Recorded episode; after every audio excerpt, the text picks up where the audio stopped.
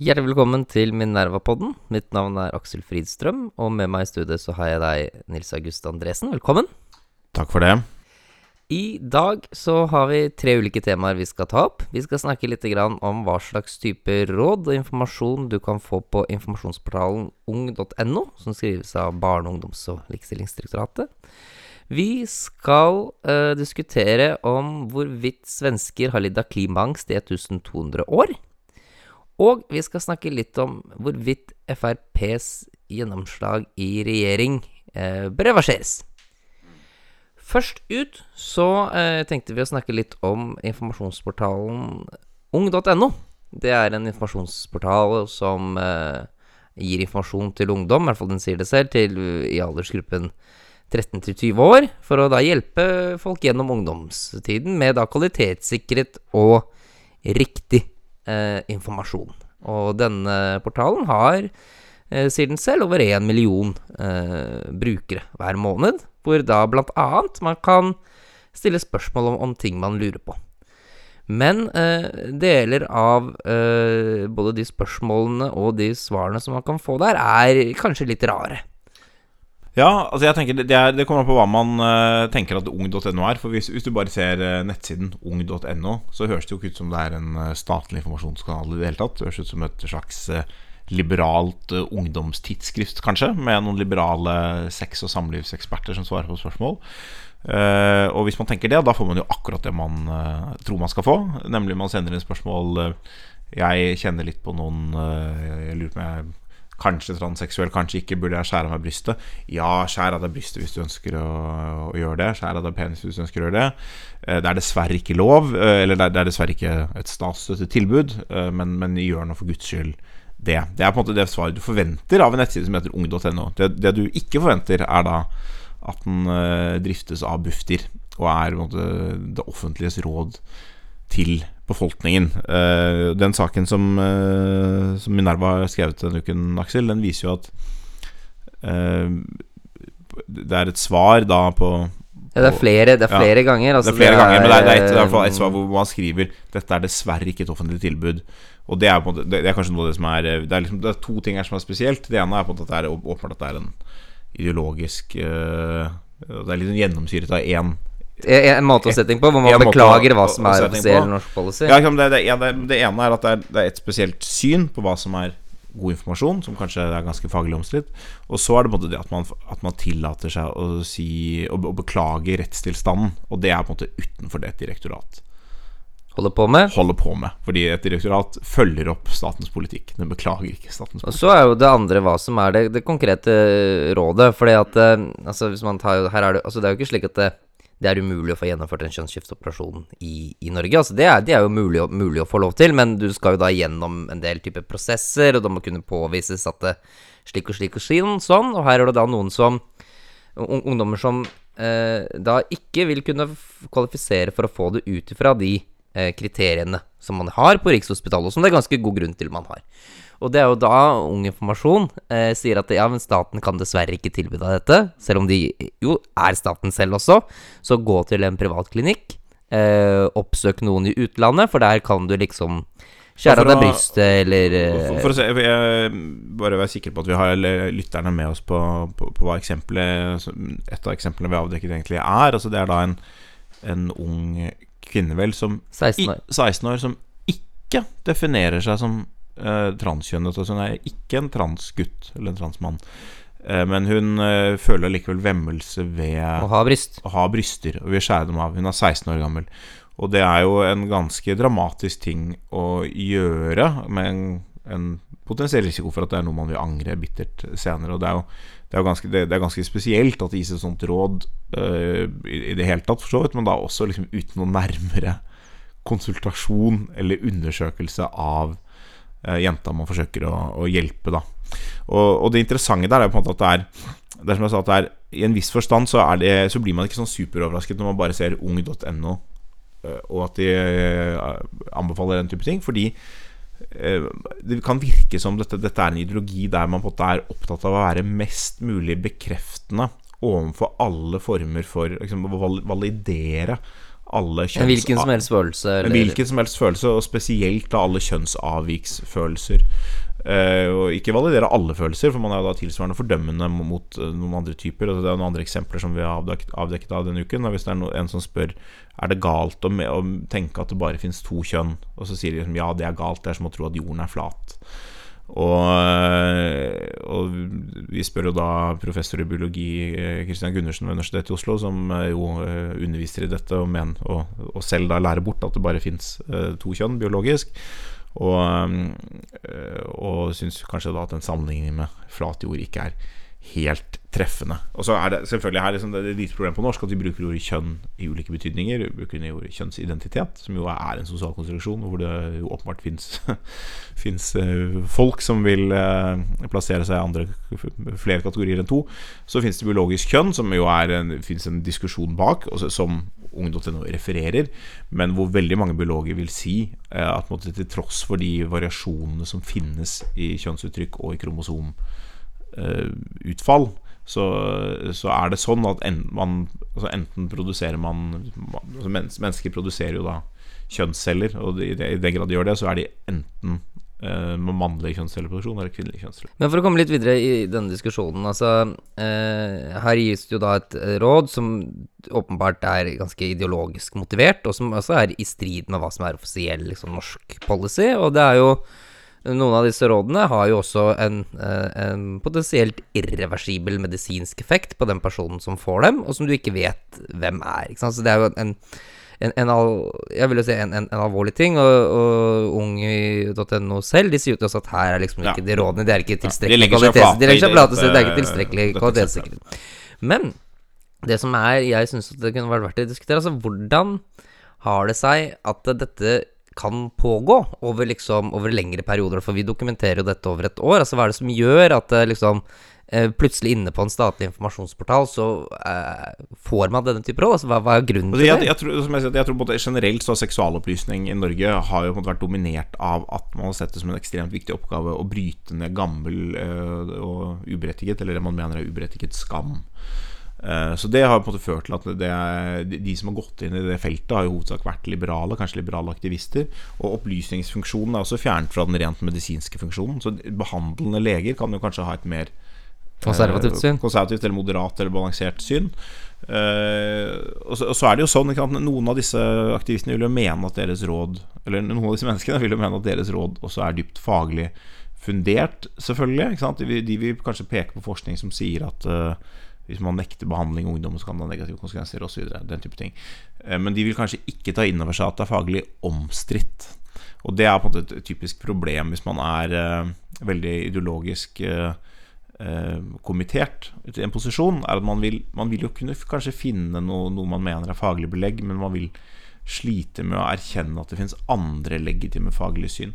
Og det som gjelder jo hele transfeltet, det er, det er, et, vanskelig, det er et vanskelig felt, fordi det, det finnes gode argumenter for å si i en del tilfeller at det er klokt å begynne tidlig behandling. Et eksempel, jeg vet man husker eh, Harald Eias hjernevask, hvor man jo snakket om eh, hvor, poenget nettopp var at kjønn er reelt og, og biologisk. Og så har man disse eksemplene på mennesker som f.eks. er født med XY-kromosom. Altså da Intersex, eller ja, ikke sant? I, utgang, ja, I utgangspunktet da er, er menn, ikke sant? men hvor eh, Y-kromosomet har sluttet å fungere litt, i, kanskje, på et tidspunkt. Og så blir, blir det litt sånn blir man født med tvetydige kjønnsorganer, så ble man tidligere operert til å bli jente. Og en del av disse menneskene har jo da hatt kjønnsinkongruens. Og det er jo da en, en- kanskje en logisk og god forklaring til at det er blitt sånn, og kanskje burde de vært operert andre veien eh, opprinnelig. ikke sant? Og det er en sånn type medisinsk problemstilling. Eh, så det, det måte noen grunner for å ta et proaktivt syn på, på den type ting. Men det som er problemet med feltet, er at det er blitt så moralsk. Eh, at, det, at det er lite rom for nyanser, det er lite rom for egentlig faglighet. Og det skal veldig lite til før eh, før, før, et standpunkt eh, karakteriseres snarere enn å diskuteres. Jeg tenkte selv ofte at det er, liksom, er mye av problemet her. For jeg tror at eh, i enkelte tilfeller, eh, svært sjelden selvfølgelig, men for noen så vil jo det å gjennomgå denne type kirurgiske inngrep og operasjoner, altså det vil være en, en riktig behandling for, for den personen. Men det vil jo også her være slik at du kan ha ganske mange falske positive, altså folk som tror at de trenger denne behandlingen, men som åpenbart vil komme til å angre eh, senere. Og hvis man da er i en, en, posisjon der hvor det liksom er slik at man har en sånn ideologisk paradigme som døde liv skal validere den følelsen du har akkurat nå, liksom, kjønnsoppskifteoperasjonen din kan ikke komme fort nok, ja. så tror jeg de kommer til å drive frem at veldig mange mennesker får feil, feil behandling. Det, det, er absolutt en fare for det. Og det, det, det man kan si om det feltet altså det, er jo, det er jo på en måte en, Mange på feltet trekker en parallell til homofilidebatten, hvor og Begge disse debattene har dette felles at de på en måte har en medisinsk side. Vi prøver å forstå hva er, hva er det dette fenomenet er, i en, forstand, uh, i en medisinsk eller biologisk uh, forstand. Eventuelt sosialt konstruert. og så det, har, det alltid hatt en moralsk side som består av flere elementer. Det ene er at konservative kristne har fordømt dette som synd, umoralsk. Det, det jeg det er en totalt feilslått tilnærming. Det er, det er moralsk irrelevant hvilket kjønn du har. Det er moralsk irrelevant hvilket kjønn du, du elsker. Men, men det har også en annen side, selvfølgelig, at disse menneskene har vært utsatt for hat, marginalisering, vold osv. Så, videre. så det, har på en måte vært et sterkt behov for å ta et oppgjør med det. Men det som da har, har skjedd, eh, er at Uh, Homofilidebatten tok jo lang tid. I en viss forstand. Ble drevet frem over 100 år, egentlig. Og man fikk etter hvert bedre, bedre, forståelse, bedre forskning. Man fikk flere indikasjoner på at dette var genetisk bestemt, kanskje. Uh, som gjorde at måte, tidligere tilnærmingsmåter. Da, med å si at dette her skyldes traumer i barndommen, eller noe sånt som var veldig vanlig å si før. De er blitt forlatt på faglig grunnlag, og det har faktisk vært en faglig prosess. Det som er utfordringen med, med transkjønn, øh, og spesielt øh, når, det, når, det, øker noe i omfang, er at vi, vi, det er ikke mulig å si at vi vet ordentlig godt hva dette skyldes. Den forskningen fins ikke uh, godt nok. Og, det betyr jo nettopp at faren for feilbehandling er reell og til stede. Uh, og det, det, er måte, det, er veldig krevende å ta inn over seg for de som opplever at de har behov for eller ønsker eh, kjønnsbekreftende behandling. Men det er helt nødvendig for, fra et statlig perspektiv Så er det selvfølgelig helt nødvendig å insistere på en sånn faglighet. Og det er jo det, det som er problemet hos Bufdir her, at, måte, at dette, er en pågående debatt innad i fagorganisasjonen som de vi, går inn i uten å erkjenne det. Hvis vi, hvis vi, må avslutte denne diskusjonen litt, men tenkte å ta, denne diskusjonen litt, men tenkte å ta et, en siste ting som jeg syns er, er, interessant i, i, denne debatten. Det er jo at politisk ledelse for dette Bufdir Altså Det er jo liksom de uh, politikerne ofte som liksom Kanskje noen ganger uriktig, da, men som liksom fremheves ofte som de store liksom mørke mennene i offentlig debatt. Ikke sant? Det er Solveig Horne har vært inni her. Eh, nå er det Kjell Ingolf Ropstad. Og dette har jo da vært styrt, da Ofte av de liksom, liksom kjennes som de, liksom, de mest konservative på norsk høyreside liksom, over seks år. Og likevel liksom, så er jo det som kommer ut på andre siden, da, i form av denne kanalen, det er jo diametralt motsatt av hva du skulle forvente. Hva tror du er grunnen til det? Altså, jeg, jeg, tror grunnen til det er at denne type embetsverk i stor grad lever sitt eget liv. Og, og, noe av det er jo i en viss forstand positivt. Altså Embetsverket skal jo ha i Norge, det er liksom vår forutsetning, skal jo ha sin faglige integritet og uavhengighet. Det er positivt. Det som er negativt, er at det fins en del miljøer innenfor byråkratiet og forvaltningen som blir veldig preget av en bestemt tilnærming der hvor det åpenbart fins flere faglige tilnærminger. Uh, og, og, hvor de ikke er løsrevet fra ideologi. Uh, og det er et stort problem for, for en del fag, uh, og for, for, en del faglighet innad i byråkratiet. Og man, man, kunne jo si det samme om Lik, likestillings- og diskrimineringsombud osv. Det, det har noe med at folk som søker seg til en viss type byråkratisk virksomhet, har kanskje en viss motivasjon for, for å være der. For å være der. Og det, det, kan man forstå, men det er det er en viktig politisk oppgave å, å, være oppmerksom på det. Og Generelt så gjelder det nok Dette er jo det man pleier å si om UD. At enhver ny utenriksminister tenker sånn Oi, herregud, her må vi liksom reorganisere hele tjenesten. Og så er de der en liten stund, og så tenker de livet er for kort til å reorganisere UD fordi den interne motstanden vil bli eh, for sterk. Eh, og, og, det gjelder nok deler av byråkratiet også. Så før det liksom oppstår en krise, så gjør man ikke noe. Man vet ikke hvordan man heller skal gjøre noe. For, for hvordan skal man gjøre noe? Annet enn å sile arbeidstakerne ideologisk. Det er veldig krevende. Men jeg tror det å skape en bevissthet om hvorfor dette skjer internt, og skape en bevissthet om at uh, her er det ideologiske skjevheter ute og går. Her er det ideologiske briller som er på. Her fins det en faglig uenighet som vi ikke speiler godt nok. Det uh, kunne være klokt av en statsråd som Kjell Ingolf Ropstad å, å gå i dialog med sine direktører Ok, vi skal videre i uh, podkasten. Det neste temaet for i dag, det er eh, svensker og svensk klimaangst og svensk forskning. Ja, det er du som har skrevet en liten sak om uh, dette. Hva har du funnet ut? Jeg har hatt, uh, jeg har hatt det morsomt på kontoret, fordi at jeg har nemlig vært inne og støtt på et svensk forskningsprosjekt som har vært et samarbeid mellom fire svenske universiteter hvor de har analysert teksten på en 1200 år gammel svensk runesten. Røkstenen. Røkstenen, som ja. er den mest kjente og, og, svenske runestenen, og den mest, altså den mest omfangsrike, holdt jeg på å si. Og lenge så har man jo uh, trodd uh, at denne runesteinen den uh, refererer til kong Theodorik den store, som var en østgotisk konge, som da regjerte etter Romerrikets fall, eller kort tid etter Romerrikets fall og at han rir inn i solnedgangen med skjoldet på ryggen, eller noe sånt. Det er det som, som er formuleringen. Og så har det lenge ble oppmerksom på at det har vært en debatt i, i Sverige om hvorfor liksom denne uh, henvisningen er der. Og der er det liksom én tradisjon som viser at dette liksom lenker liksom svenskene opp til goterne, liksom. Så det er en sånn lang uh, historisk tradisjon. Ja. Og den type ting. Mens uh, det er en annen type holdning som sier at vi ikke vet noen ting egentlig om hvorfor Theodorik er. Men det disse nye forskerne uh, tar opp, fordi at de mener at dette båndet til Theodorik, da, det kan, det kan, potensielt sett brukes til å argumentere for eh, nasjonalstater basert på rase, skriver da en av disse forskerne. Så Derfor er det viktig også å utfordre det om Theodorik stor på denne rundesteven. Eh, og da har de jo gått gjennom og forsøkt å finne litt ulike alternative tolkninger. Og det de eh, kommer frem til, det er jo at det denne rundesteden sier ingenting om kong Theodorik i det hele tatt, men den snakker egentlig om klimaangst. For det at denne Theodoruk, som det er strøket fra eh, eh, teksten, men nå bare omtales som den djerve ridderen, det er egentlig bare en metafor for solen som kommer og går. Eh, og eh, når den da går, så blir det kaldt, og derfor får svensker klimaangst. Så det er egentlig det denne steden handler om. Den dokumenterer at svensker har hatt klimaangst i, i 1200 år, da. Her toucher du inn på, på mange av mine særinteresser. Den er uh, Ja, klimaangst, mener du? Eller? Ja, både klimaangst og tilstanden i svensk akademisk debatt. Og runer og norrøn tenkning. Ehm, jeg tenkte jeg kunne si uh, her, Jeg sitter med litt sånn spesialkompetanse som kanskje ikke alle lytterne har. Så jeg tenkte å dele litt av det. Og så får du stoppe meg når du glir for langt ut i det nerde. Jeg skal prøve å holde det ja, ganske enkelt. Det, det, det sier fra, jeg. Ja. ja. Ikke si fra med en gang, da.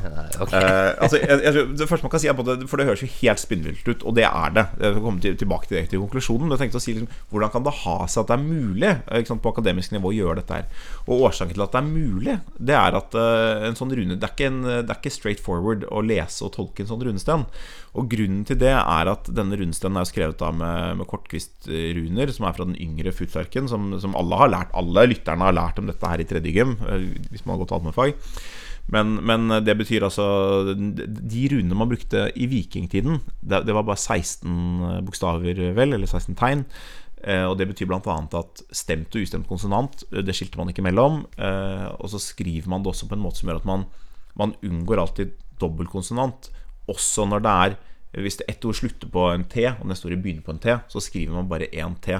Og det skaper jo en rekke rekke ambivalente situasjoner der man ikke vet om den T-en skal være der eller ikke være der, eller om det egentlig skulle vært en D.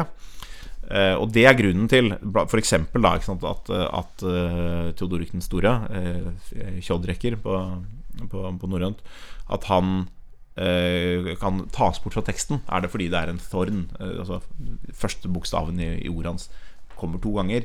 eller Den står bare én gang. Ha, Den gamle tolkningen baserer seg på at den skulle være to ganger. Og så sier man nei, nei, den skal ikke det. Og da får du et annet ord som kan bety djevel.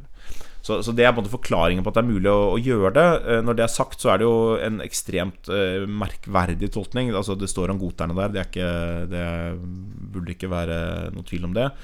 Eh, det er en veldig plausibel tolkning. Dette, er, altså, dette temaet går jo igjen i norrøne overleveringer eh, goternes eh, vekst og fall. Det er, jo, det er jo bakgrunnen for flere store liksom, epos fra, denne tiden. Eh, veldig plausibelt at det er noe man har, har skrevet om.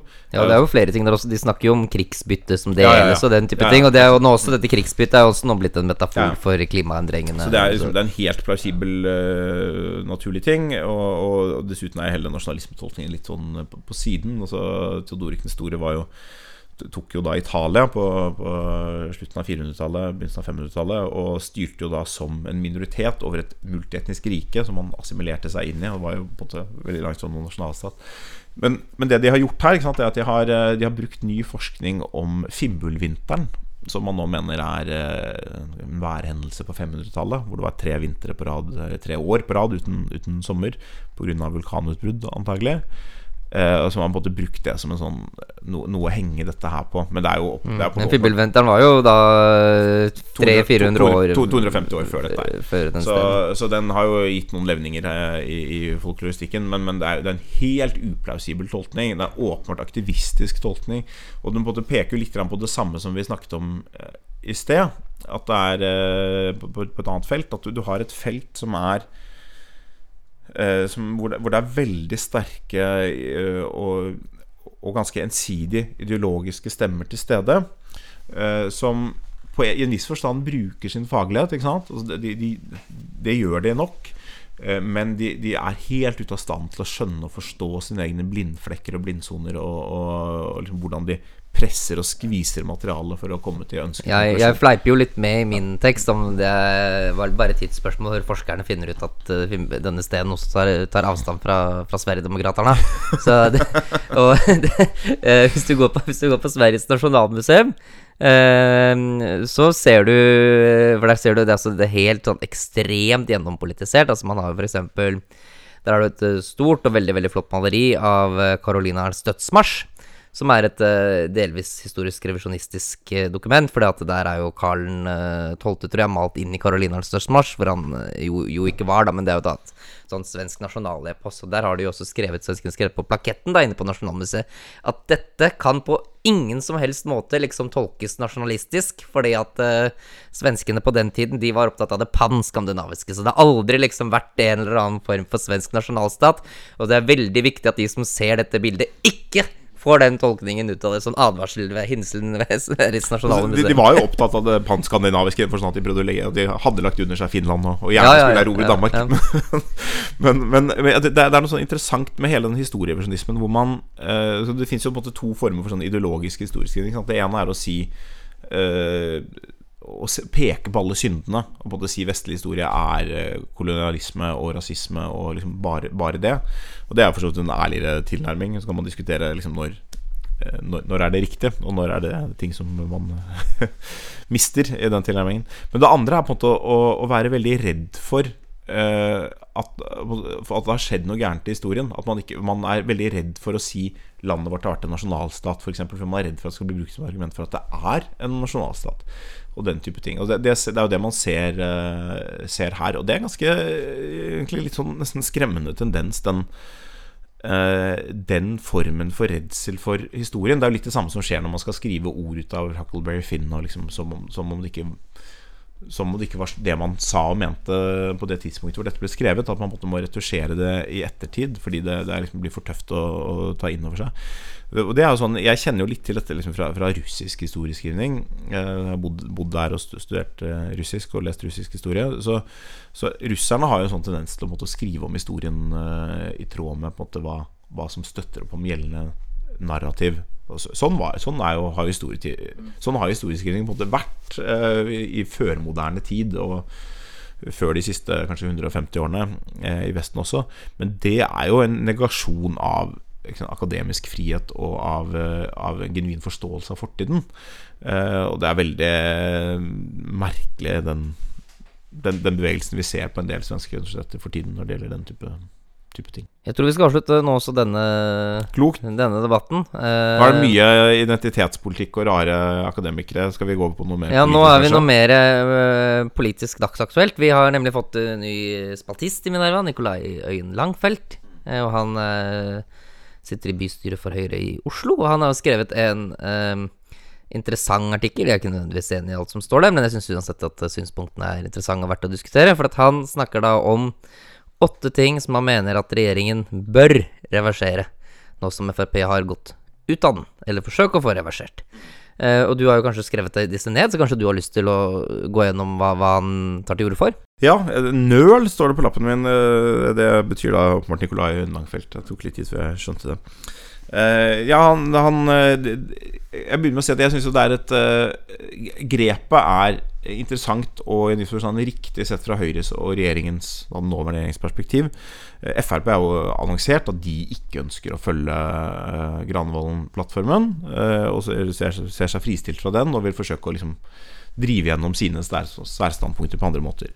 Og, og, Solberg har jo sagt at man baserer seg fortsatt på Granavolden-plattformen. Det skaper jo en asymmetri. Der Frp kan bryte den, og regjeringen ikke vil bryte den.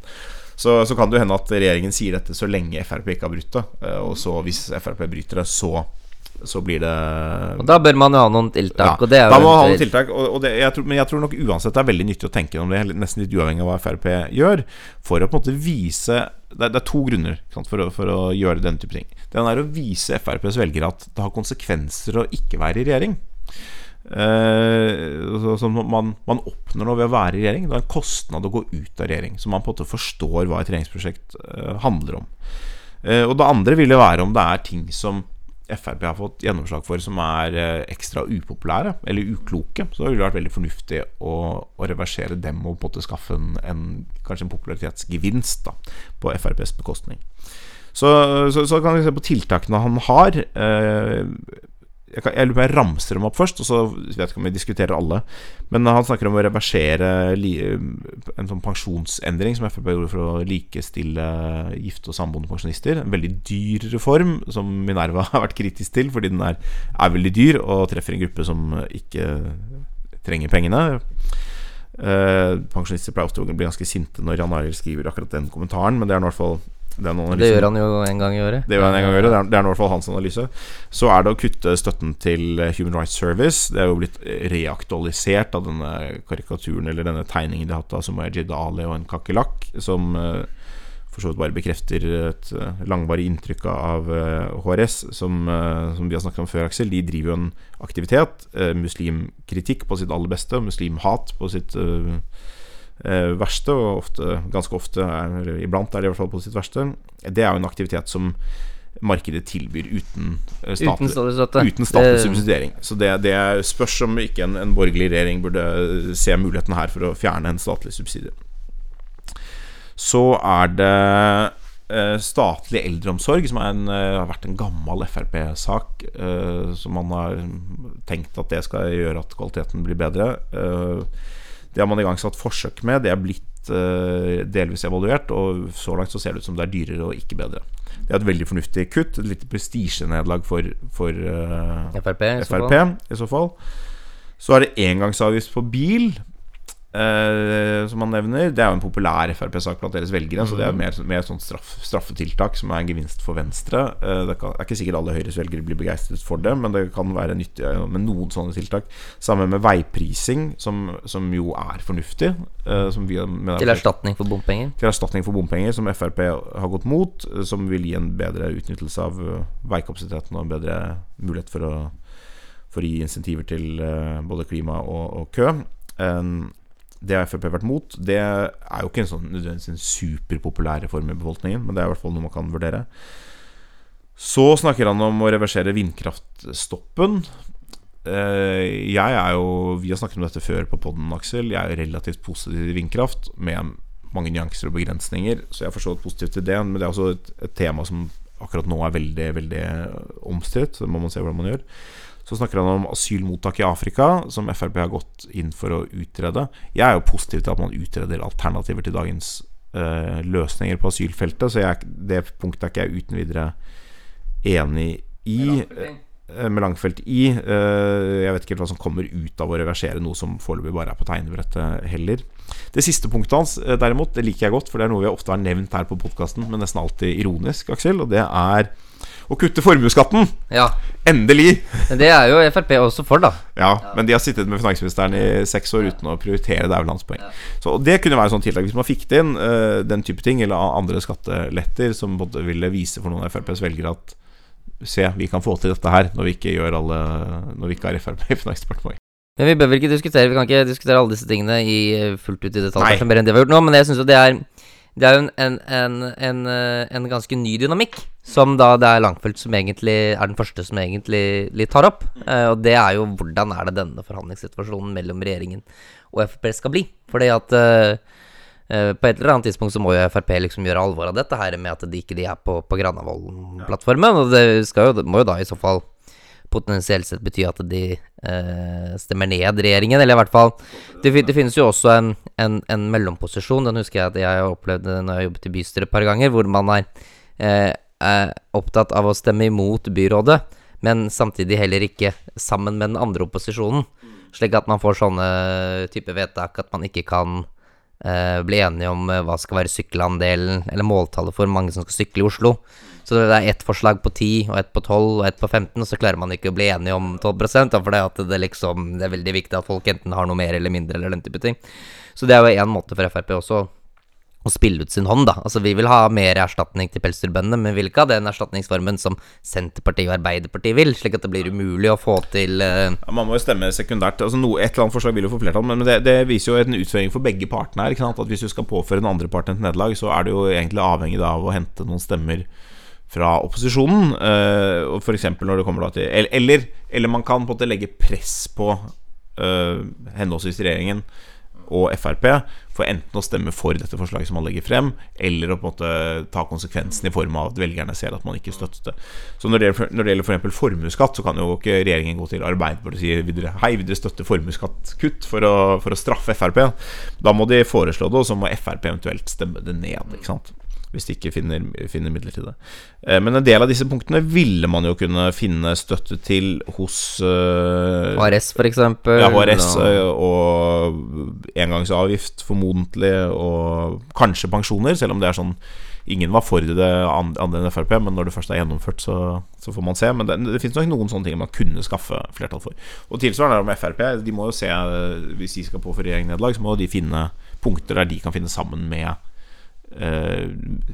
mesteparten av den øvrige opposisjonen, hvis de skal klare å få flertall. Særlig veiprisningsforslaget er jo veldig interessant i en Frp-kontekst, for at veiprisning vil jo være til erstatning for alle bomstasjoner. Så da ville jo plutselig noen gå inn og foreslå Ok, nå skal vi ta vekk alle bomstasjonene. Og da ble Frp tvunget til å være det eneste partiet på Stortinget som er for bompenger. Og det ville også vært en, en veldig ubehagelig situasjon potensielt sett for Det ville vært veldig gøy, da. Det kunne- må- potensielt sett vært gøy. oss, eh, Men det som jeg på sett og vis tror, da Altså jeg tror at Siv Jensen Jeg tror at hun hun, hun ser at dette er en potensielt sett ganske stor nedside for Frp, og derfor tror jeg også det vil være Derfor er hun ganske forsiktig da i måten hun går frem. Altså Hun uttalte jo med en gang hun kom tilbake til Stortinget, at de ville stemme ned alle forslag fra Arbeiderpartiet og Senterpartiet som var fremmet eh, denne uken. Og jeg tror at hun vil fortsette i et litt sånt modus. Altså Hun vil ikke være så kategorisk at hun alltid stemmer ned alt som Arbeiderpartiet og Senterpartiet kommer med, men hun vil være ganske forsiktig. Men så er det samtidig også et bakland i Frp som ønsker seg en helt annen tilnærming, og det kommer til å bli veldig spennende eh, hvilken fløy i Frp som egentlig vinner kampen om denne tilnærmingen.